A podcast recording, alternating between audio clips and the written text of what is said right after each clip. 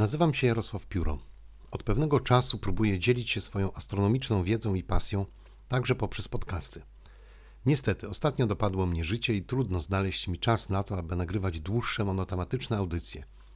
Pomyślałem więc o innej, krótszej formie astronomicznej kartce z kalendarza. Odchodzi szukanie tematu, no i forma ma być skrótowa. Muszę zrezygnować też z redakcji materiału, czyli usuwania przejęzyczeń, mlasków, edycji głosek wybuchowych. Nie będzie to taka jakość jak audycji dłuższych, ale dzięki temu będę mógł umieszczać je częściej. Mam nadzieję, że nowa forma przypadnie Wam do gustu. Czekam na Wasze opinie na stronie grupy Astro Pomorze na Facebooku, której jestem założycielem i administratorem, oraz na stronie mojego podcastu pioro.me. No to jedziemy. 9 października 1604 roku Lodovico delle Colombe, włoski astronom znany m.in. ze swych sporów z Galileuszem, zauważył w gwiazdozbiorze wężownika nową gwiazdę, która świeciła jaśniej niż wszystkie inne. Opisał swoje obserwacje dwa lata później w traktacie, w którym twierdził, że odkryta przez niego gwiazda nie jest gwiazdą nową, lecz zmienną, która jest widoczna jedynie od czasu do czasu. Innego zdania był Kepler, który również napisał o niej traktat. Nadał mu tytuł De Stella Nova, czyli dosłownie o nowej gwieździe.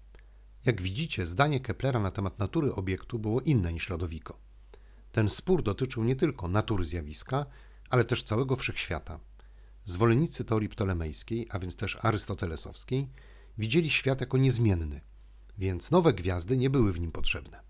Zwolennicy teorii kopernikańskiej, do których zaliczał się Kepler i Galileusz, witali wszelką kosmiczną zmienność z radością. Dopiero w drugiej połowie XIX wieku zrozumiano, że pojawienia się tzw. Tak nowych gwiazd na niebie są spowodowane przynajmniej dwoma różnymi mechanizmami i podzielono je na dwie klasy nowe i supernowe. Paradoksalnie oba typy nie zwiastują narodzin nowego obiektu, lecz śmierć gwiazdy u kresu jej ewolucyjnej drogi.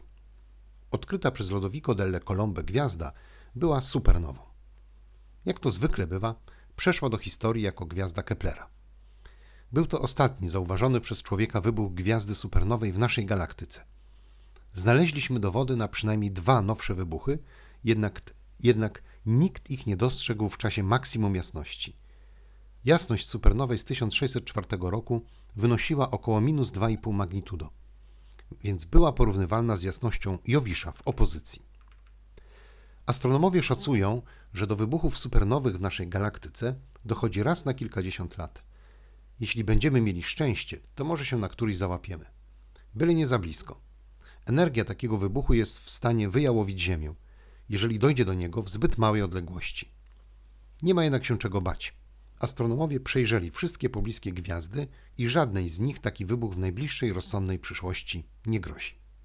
Do usłyszenia.